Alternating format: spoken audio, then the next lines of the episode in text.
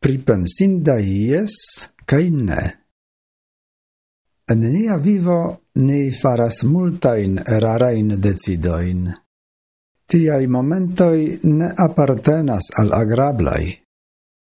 Bon chance ni povas ilin forgesi kiel eble plei rapide. Tamen indas pli frue eltiri giustain concludoin. Kiel niam pli frue constatis, ciu successo en havas iom da mispasoi. Se iu demandus nin, ciu ni volus eviti la duonon de niai problemoi, kion ni respondus? Kion havas problemoin? Compreneble, ca ni volus. Do, kiel fari tion? Existas unu metodo. Gi textas. Ne parolu tro vigle yes, ne procrastu paroli ne. Unue ni al rigardu de proxime al yes. Temas pritio, che oni devas sin gardeme tracti ciuin proponoin, por havi suffice multe da tempo por ecconi factoin, consideri eblecoin, cae pripensi consequenzoin. Tial ciun proponon postulantan nian tuian consenton cae accepton sen la tempo por povi gin pripensi, ni devus forgeti. Ni ne fidu nian intuicion tiam, Ciam situatio postulas logikon apogitan sur factoi.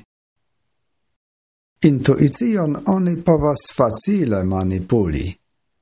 Do ciam niam eldiros nian yes, povas esti tro malfrue ion shangi. Vidu exemple proponoin preni creditoin sen consideri la riscon pri repagipovo.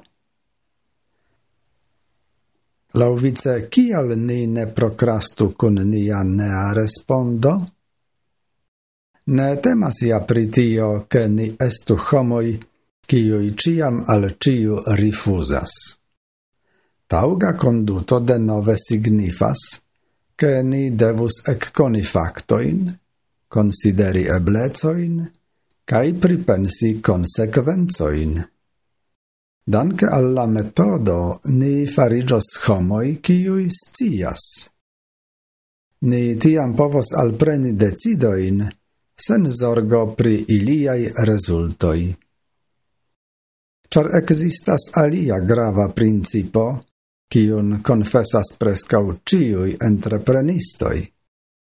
Ciam vi alprenis decidon, cae vi comencis agi, forlasu ciain timoin pri la resultoi. Ali vorte, iu momente alvenas tempo por agi, cae ne rigardi mal antaven. Sed por povi tion fari, ni memoru pri la pripensindai, ec pripensendai, yes, cae ne.